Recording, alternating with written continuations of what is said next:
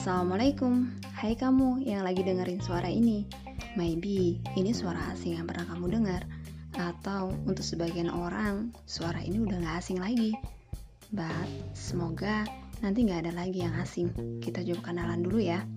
Podcast ini adalah suara mahasiswa tingkat akhir yang lagi nggak tahu gimana nasibnya ke depannya. Karena yang dia tahu semua itu harus dijalani, bukan untuk dikomplainin, iya kan?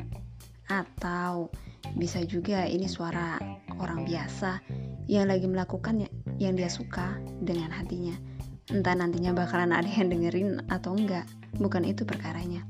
At least ngelakuin hal yang disuka kayaknya akan selalu menyenangkan dan kalau yang dilakuin dengan hati bisa sampai ke hati yang lain, pasti senangnya double.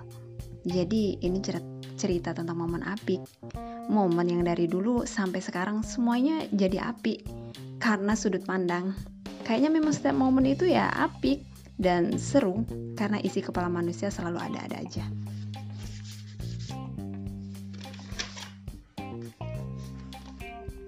Karena setiap momen terkadang menipu kita. Bagaimana tidak yang tadinya mulut bergumam, ih kenapa sih kayak gini? Kenapa nggak kayak mereka? Kenapa hidup aku sulit banget? Tapi bukankah sang perancang momen sudah berkata, bisa jadi kamu membenci sesuatu, namun itu baik bagimu. Dan bisa jadi kamu menyukai sesuatu, tapi itu buruk untukmu. Kayaknya itu dulu deh. Jadi sampai jumpa di suara berikutnya. thank you